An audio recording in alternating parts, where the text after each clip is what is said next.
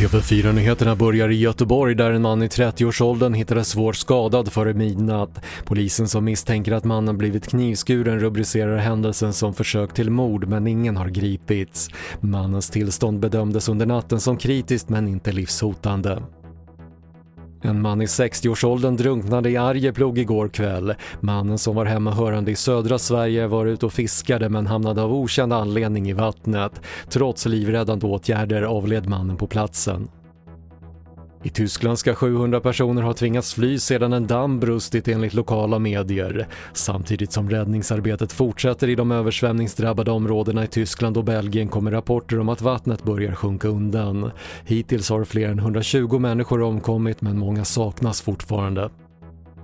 Så till Australien där butiker tvingas stänga i Sydney till följd av coronautbrottet som inte visar några tecken på att ebba ut. Enligt myndigheterna har man mer än 160 utsatta platser och omkring 10 000 personer ska ha varit i nära kontakt med någon smittad.